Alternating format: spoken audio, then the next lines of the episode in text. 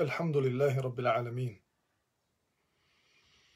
وأفضل الصلاة وأتم التسليم على نبينا محمد وعلى آله وصحبه أجمعين اللهم علمنا ما ينفعنا وانفعنا بما علمتنا وزدنا علما يا كريم Na samom početku želio vas poselamiti. Salamu alaikum rahmatullah. Zatim onako kako dolikuje prije nego što se nešto kaže o Allahu i Đelešanohu vjeri, da se zahvalimo Allahu subhanahu wa ta'ala, da donesemo salavate i selame na Allahu poslanike, miljenika Muhammeda, alaihi salatu wasalam, na njegovu časnu porodicu, ashabe, njegove drugove koji se družili sa njim, povjerovali u njega i koji su branili islam, kako bi taj isti islam došao do nas, salavate i salame donosimo na njegovu porodicu, na njegove ukućane, njegove supruge, majke vjernika, ridvanullahi alaihim ajma'in, i na sve vjernike i vjernice koji slijede u dobru do sudnjega dana. Imam Buharija, rahimahullahu ta'ala, je lijepo naslovio naredni e, naredni naslov koji e, ispod kojeg će se nalaziti hadisi Allahu poslanika gdje kaže ima lijepe poezije. Od Halda ibn Kejsana se prenosi kaže bio sam kod Ibn Omera radijallahu anhu poznatog ashaba, sina drugog halife muslimana, Omera radijallahu anhu, kad kaže pored njega stade Jas ibn Hajtheme. I obratimo se, a Jas ibn Hajtheme je bio poznat po pjesništvu. I kaže on Ibn Omeru, hoćeš li da ti izrecitiram nešto od moje poezije?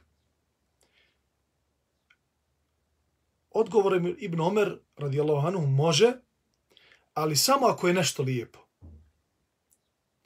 Ibn Omer je slušao njegovu recitaciju pjesništva i njegovu poeziju, a kad je došlo do dijela koji mu se nije svidio, Ibn Omer je rekao dosta. Emsik. Emsik na arapskom znači prestani ili dosta je bilo. Zbog čega poeziji, zbog čega govor o poeziji? Zato što je to nešto e, sa čime se mi susrećemo u, u našim životima, sa, sa poezijom, sa pjesništvom, sa pjesmama, sa raznim tekstovima, e, koje imaju nešto, koje imaju razne ciljeve. E, svako ko izrecituje neku pjesmu, neko pjesništvo, neku poeziju, ima svoj cilj. Zašto je to uradio? Želi da to dođe do ušiju, a nakon toga do srca, jer sve što uši čuju, Uši su samo kanale kroz koje prolazi govor i ono se salijeva u srce. Zato je veoma bitno da vodimo računa o tome šta slušamo. Jer ono što slušamo, time napajamo naše srce između ostalog. Srce se ne napaja samo uh, onim što mi čujemo, ali između ostalog i kako se napaja s time.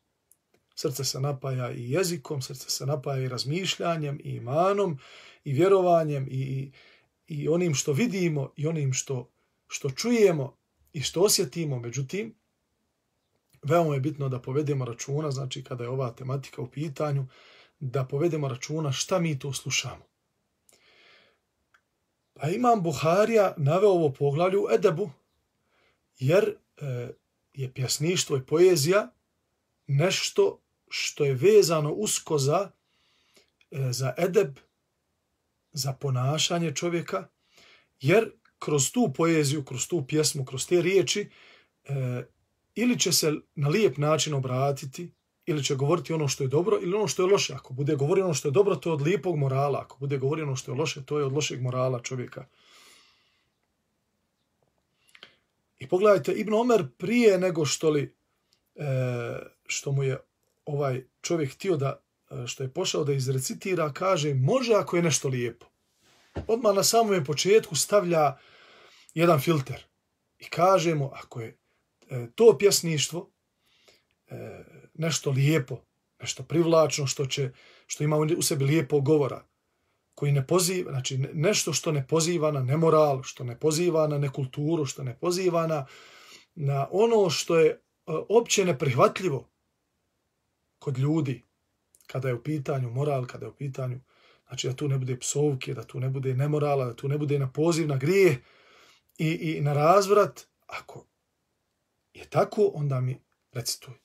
A ako ima nešto od toga, ali nažalost, e, danas je e, sve više ekskluzive, sve je više e, borbe za tim da nešto neko uradi prvi, pa da bude praćen i da na osnovu toga dobije, dobije pregled, da dobije lajkove, dobije e, da e, pozornost, e, ne zanimajući ga hoće li, hoće li dobiti pozitivnu ili negativnu konotaciju. I da li će se to pozitivno ili negativno odraziti na, na, na one koji to slušaju. Nažalost, tako je. Znači, živimo u, u jednom vremenu gdje zaista mi i naše porodice i naša djeca treba da obratimo mnogo pažnje na ono što nam se servira. Jer mnogo što što nam se servira, što nije prikladno i što nije e, uopšte e, u skladu sa moralom e, čovjeka, zdravog čovjeka, a kamoli vjernika, kamoli vjernika u Allaha subhanahu wa ta'ala.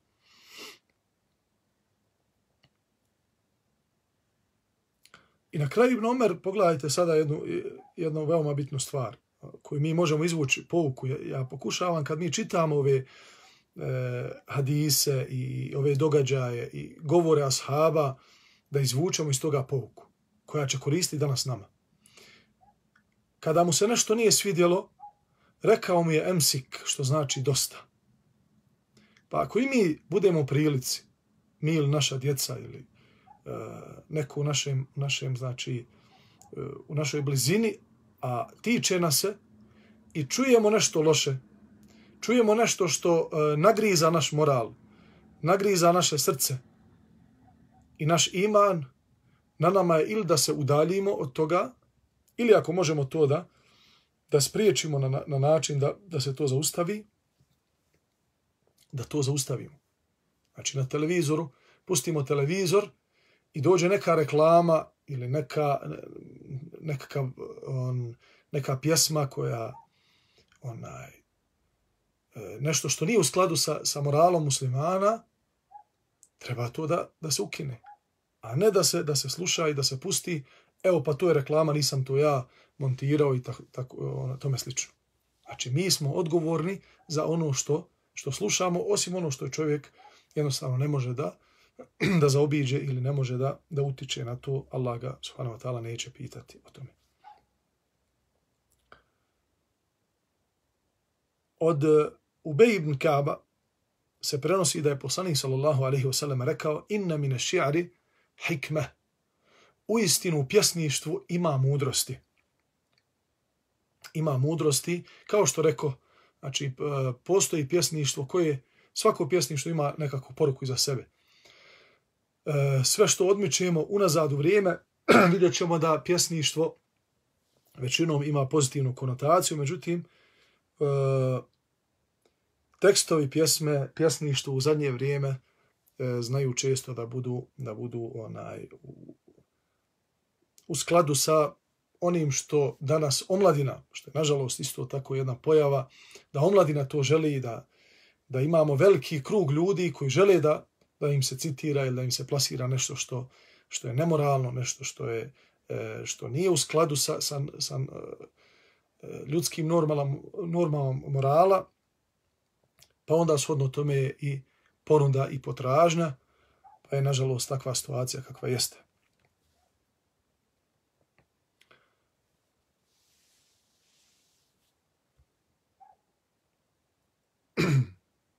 Od Ebu Horeire radijallahu anhu se prenosi da je poslanik sallallahu alaihi wasallam rekao bolje je da se čovjekova prsa ispune gnojem koji će ga izgrizati iznutra nego poezijom.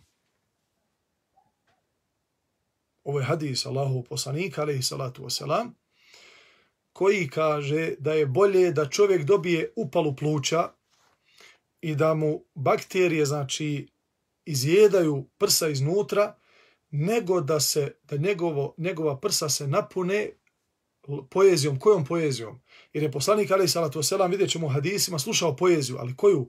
Ona koja je fina, ona koja poziva na moral, ona koja poziva na, na ispomoć onima kojima je potreba pomoć, e, ona koja govori o junaštvu, o, o hrabrosti junaka, o herojima, o domovini, o vjeri, o komšijskim odnosima, o bajramima, znači o nečemu što je lijepo, o djetinstvu, o, o pozitivnim stvarima. To je poezija koja ne smeta. Naprotiv, to je poezija koja je pohvalna. Jer je Allah poslanik, alaih salatu wasalam, imao svoje pjesnike koji su recitovali poeziju koja je hvalila islam, koja je veličala gospodara svjetova, koja je čvrsto stajala na, st na strani Allahu poslanika, alaih salatu wasalam, i recitirala stihove koji su hvalili našeg poslanika, alaih salatu wasalam, što znači da islam nije protiv poezije, međutim ovdje se ovdje se govori, znači tumači se ovaj hadis, da se radi tu o poeziji koja je loša, koja je nemoralna,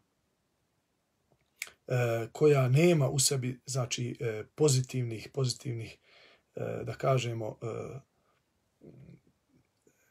moralnih jedinica takva poje, pole poezija nije pohvalna naprotiv ona je kao što je došlo u ome hadisu znači skroz pokuđena i bolje je znači da čovjek se da bude bolestan i da njegova prsa budu e, ispunjena oči onim što najviše prezire, to jeste da bude bolestan, da ima upalu pluća, da je, da je puna pluća gnoja, ali eto i to je bolje nego da čovjek napuni svoja prsa e, razno, raznolikom, ružnom i negativnom poezijom.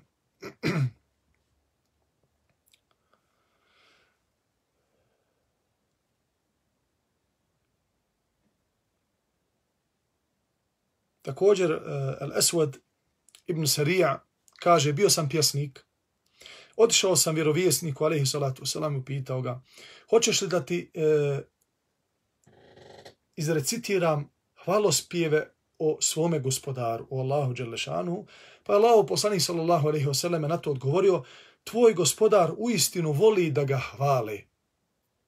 Allah Đelešanuhu voli da ga njegovi robovi hvale. Allah Đelešanohu voli da, da ga njegovi robovi spominju. Da ga spominju i na javi i u tajnosti. I u jednom hadisu koji je jako, jako uh, drag vjernicima, jako drag onima koji govore o Allahu Đelešanu, je hadis u kome Allahu poslanik sallallahu alaihi wasallam prenosi od Allaha Đelešanuhu kuci hadis gdje Allah Đelešanuhu kaže – kada me moj rob spomene u sebi, znači e, kada je rob sam, pa kaže Elhamdulillah, Subhanallah, Allahu akbar, la ilaha illallah, Subhanallahi wa bihamdihi, Subhanallahi l'azim. Allah Đelešanuhu njega također spomene kod sebe. Allah Đelešanuhu ga također spomene. Pa dalje ide kuci hadis.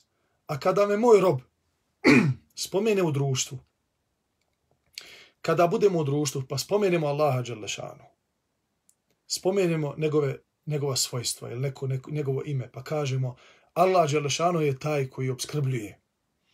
Allah Đalešanu je taj koji daje život i smrt. On je taj koji daje samo hajr i samo dobro i onaj koji mnogo prašta. Kaže Allah Đerlešanu nastavlja, kada me on spomene u svome društvu, ja ga spomenem tada u društvu koje je bolje od njegovog društva. Znači da Allah Đerlešanu svakog onoga ko spominje Allaha Đerlešanu u bilo kojem društvu, spominje u boljem društvu od onog društva u kojem se on nalazi. To je velika bušra, znači velika, lijepa vijest za vjernike koji pričaju i govore ljudima o Allahu subhanahu wa ta'ala.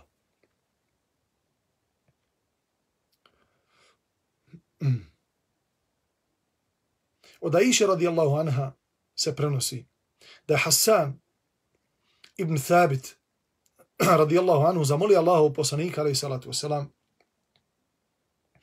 da kroz svoju pjesmu grdi mnogobošce. Znači da kroz svoju pjesmu i svoju poeziju grdi mnogo, mnogobošce. Znači da e, pokudi njihovu vjeru, njihov način odnosa prema Allahu Đerlešanuhu koji ih je stvorio, koji ih nahranio, koji im dao snagu, stvorio im sve ove blagodati koje se nalaze na ovome svijetu i oni Allaha Đerlešanuhu zaborave. Naprotiv, okrenu se stvorenjima, okrene se drvetu, okrene se kravi, okrene se komadu, e, ne znam nija, e, kamena, stijene, ili nečemu što je mizernije još od toga, i klanja se tome i smatra da mu je to Bog i da mu je taj predmet dao sve što on ima u svom životu.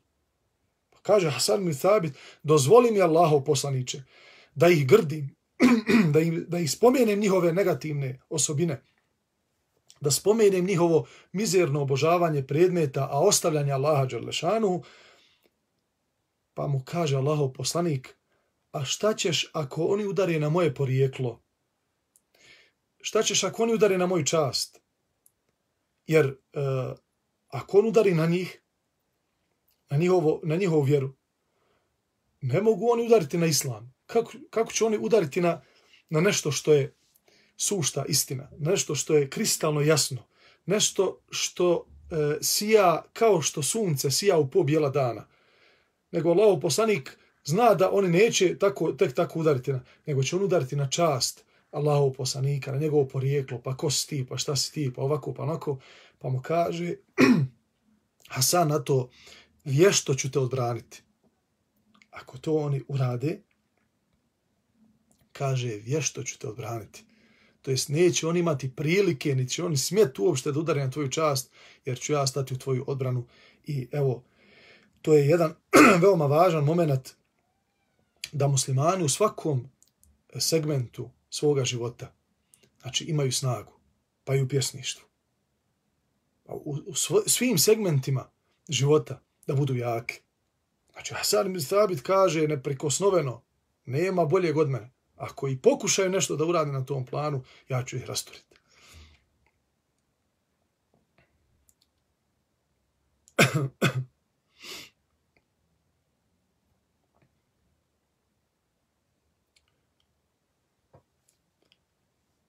od Abdullah ibn Amra se prenosi da Allah poslanih sallallahu alaihi wasallam rekao poezija je kao i govor, lijepa poezija je kao lijep govor, a loša kao loš govor. Što znači da u osnovi nema ništa loše u poeziji, kao poeziji. Međutim, e, problem nastaje onda kada poezija bude protkana e, pozivu na nemoral, na grijeh, na ispijanje alkohola, na blud, na čak na pozivanje, obožavanje nekoga mimo Allaha, Đelešanu i tako, tako tome slično.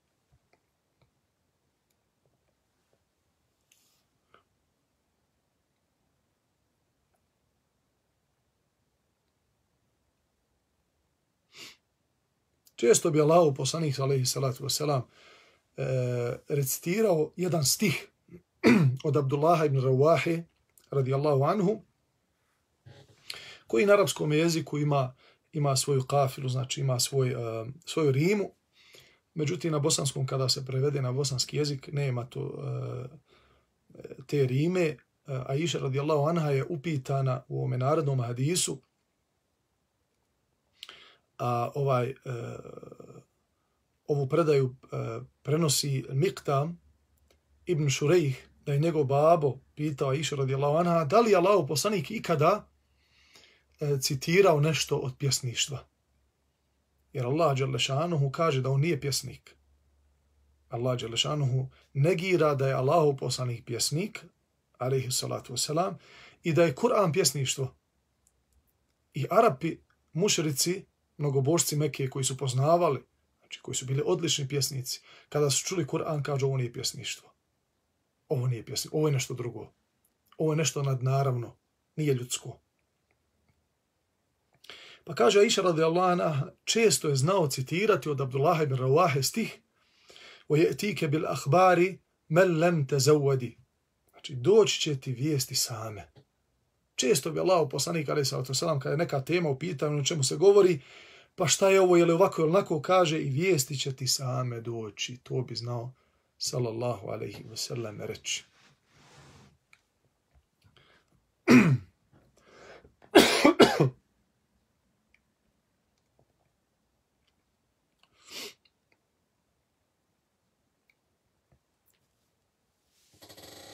Ašarid kazuje da je Allah poslanik alaih salatu selam zatražio od njega da mu citira poeziju od Umeje ibn Abi Salta. Pa kaže, citirao sam u stih, pa je rekao još. Pa kada bi, kaže, citirao par, pa bi stao, kaže, pa bi on opet govorio, još mi citiraj pa sam mu citirao skoro stotinu stihova. Pa kaže Allahu poslanik alaih salatu wasalam za Umeju, skoro pa je primio islam. Umej ibn Salt je čovjek iz plemena Saqif. Čovjek koji nije obožavao prije poslanstva na, na, našeg poslanika ali salatu wasalam. Nije obožavao kipove, nije ispijao alkohol. Bio je moralan čovjek i tvrdio je za sebe da će biti poslanik. Jer je čuo kako su sljedbenici knjige, jevreji i kršćani, govorili da se očekuje poslanik koji će se pojaviti na arapskom polotoku. Pa se je nadao da će on biti taj poslanik. Međutim, pošto se pojavio naš poslanik Muhammed sallallahu alaihi wasallame I Allah Đalešanu ga izabrao nad ostalim ljudima da ponese poslanicu Islama. Ovaj čovjek je postao ljubomora našeg poslanika. I zavidio mu je na tome što je on poslanik, a ne, znači što je Allah, što je Muhammed alaihi salatu poslanik, a ne on Umeje ibn Salt. Pa kaže poslanik alaihi salatu kaže, vjerovao je poezijom, ali ne i svojim srcem u svojim poezijama je znao hvaliti Allaha Đerlešanu, govoriti mnogo istine, međutim nije primio islam. Nije primio islam samo iz jedne stvari, samo zbog je, iz jednog razloga. Bio je zavida, ljubomora na našeg poslanika, ali salatu Šta nam to govori? Ovaj događaj. Ovaj događaj nam govori koliko je opako da čovjek bude zavidan nekome.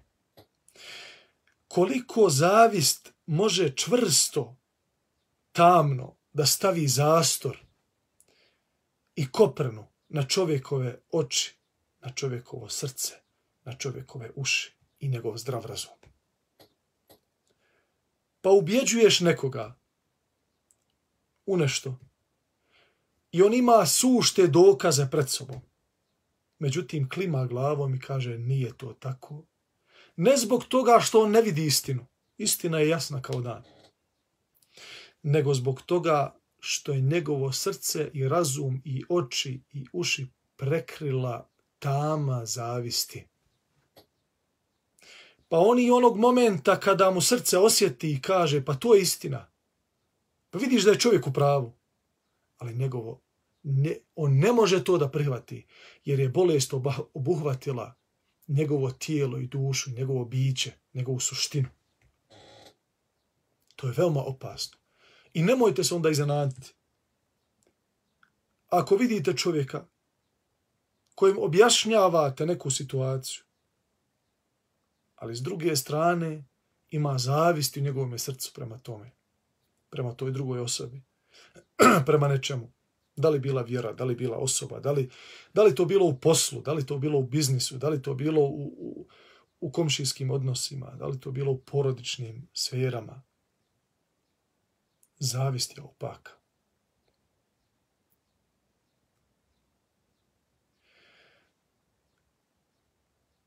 Uticat se uza, od zavisti Allahu Đerlešanu prvenstveno. Riječima Allahu moj, gospodaru, silni i mudri, sačuvaj me zavisti. Sačuvaj moje srce od te opake bolesti. A zatim, kada god osjeti čovjek malu klicu zavisti u svome srcu prema nekoj osobi, neka dovi za tu osobu. Neka dovi da joj Allah Đelešanuhu da dobro ovoga i onoga svijeta. I neka se trudi da ta zavist ne obuhvati njegovo biće, jer onoga trenutka kada se pusti zavist, poput korova, da preuzme cijelo naše biće, tada je već kraj. I tada nema povratka i samo čovjek može da izgori u zavisti kao što suho drvo izgori kada ga plamen vatre obuhvati. Naredna, naredni naslov je pretjerana posvećenost poeziji. Od Ibn Omer radijallahu anhu se prenosi isti onaj eh, hadis koji smo citirali da je bolje da se čovjeku ispune njegove grudi gnojem, da bude bolestan, nego da se napuni e, poezijom koja nema, koja nema koristi. A Ibn Abbas radijallahu anhu e, citirajući kuranski ajet i Allah Đalešanu kaže A'udhu billahi mine šeitan rajim wa šuara u jettabi'uhumul gavun a pjesnici njih slijede zabludjeli. Elem tera ennahum fi kulli wadi jehimun. Zar ne vidiš da oni svakom dolinom blude i da govore ono što ne rade? Wa annahum yaquluna ma la yaf'alun. I govore ono što ne rade. Pa kaže Ibn Abbas radijallahu anhu, pa je Allah dželle dokinuo ovaj kuranski ajet i opću, e, opći prezir prema poeziji sa drugim kuranskim ajetom koji slijedi illa alladhina amanu amilu salihati osim oni koji vjeruju Allaha i dobra djela čine u zekeru Allahe kathira i puno Allaha Đelešanuhu spominju on tasaru min ba'dima vulimu i koji pobjeđuju sebe svoje duše, svoje slabosti nakon što sami sebi nepravdu učine. Što znači da imamo i one pjesništva, ona pjesništva i one pjesnike koji vjeruju Allaha, koji su pohvaljeni ovim kuranskim ajetom, ali znači uvijek je veoma bitno da se držimo kodeksa ponašanja i da u svim svojim govorima, u svojim dijelima gledamo da li su ta naša dijela i naši govori i naše ponašanje u skladu sa dini islamom i sa prelepim moralom islama. Završit ćemo ovo predavanje sa narednim naslovom E, koji, govore o, koji govori o govoru i o riječima koje čovjek izusti. Gdje Imam Buharija kaže, navodi naslov koji je dio hadisa Allahu poslanika, ali salatu wasalam, neke lijepe riječi su poput magije. Šta to znači neke lijepe riječi su poput magije? Od Ibn Abasa se prenosi da je neki čovjek došao Allahom poslaniku, ali salatu wasalam, i obratio se tako jednostavnim i lijepim i čistim govorom, da je Allahov poslanik, ali salatu wasalam, nakon što, je mu, što mu se ovaj čovjek e, obratio, rekao, inne min ash-shi'ri hikma aw inna min al-bayan sihra wa inne min ash-shi'ri hikma u istinu u lijepom govoru ima magije. U istinu šta? U lijepom govoru ima magije i u istinu ima ljudi uh, braćo moje poštovane sestre koji te opčaraju svojim govorom koji te opčaraju svojim govorom i ako oni taj svoj govor koriste da bi se propagirala istina, pravda, pravičnost. Ako budu upotrebljavali taj svoj govor da pomire dvoje, da e, ljudima približe istinu, to je lijepo od njih i to je dobro djelo. Međutim, problem nastaje onoga trenutka kada se ta magičnost, ta magija u govoru iskoristi kako bi se ljudi zaveli sa pravoga puta, kako bi se proširila laž i kako bi se izmanipulisao neko ili prevario, e to je veliki grije i ono što Allah Đelešanuhu ne voli prezire.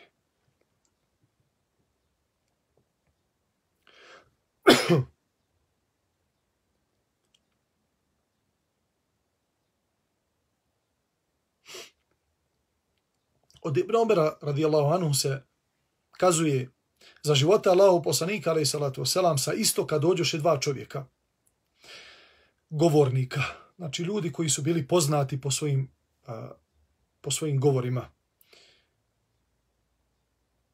pa se obratiše i sjedoše posle njih ustade Thabit ibn Qais govornik Allahov poslanika alaihi salatu wasalam Međutim, prisutni su bili zadivljeni govorom ove dvojice. Više nego govorom Kajsa, Ibn Kajsa.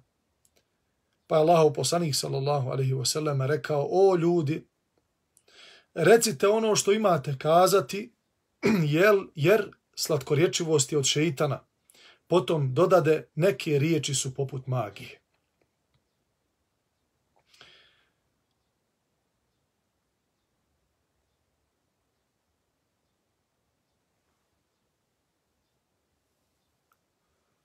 u istinu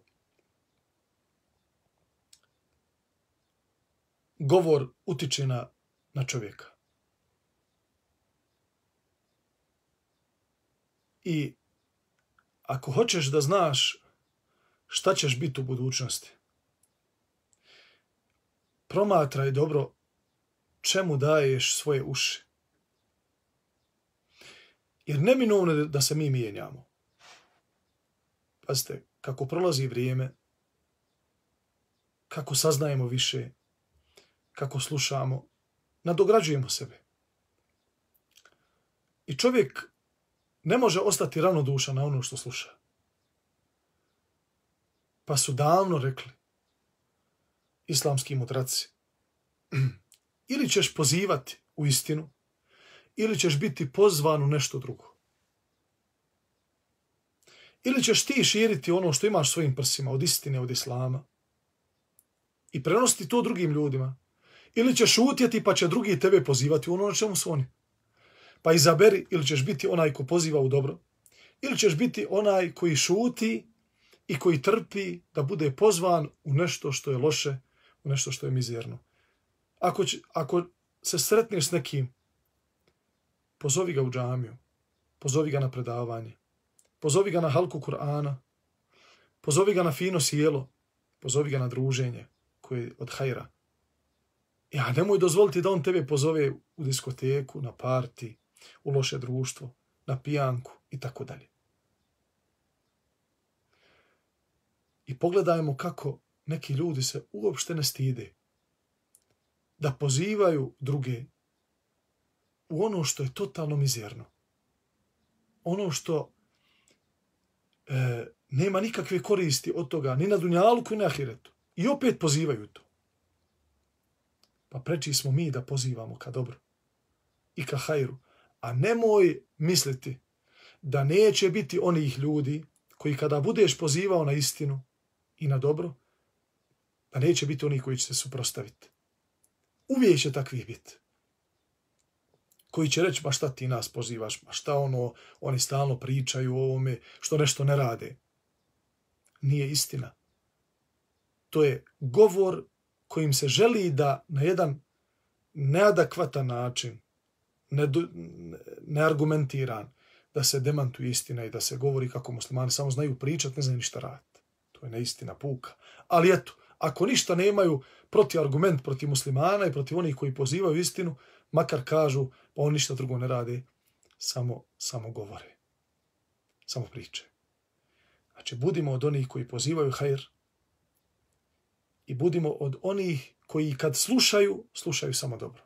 Allaha Đalešanuhu molim da nam se smili i oprosti grije i da ove riječi e, nađu mjesta u našim srcima, da nam oprosti grijehe, da nam se smiluje na sudnjemu danu. Kul qavli hada wa astaghfirullahi li wa lakum do narednog predavanja, inša Allah, ta'ala, i našeg ovako online susreta. Želim vam sve najbolje u vašim životima. Assalamu alaikum, rahmatullahi wa barakatuh.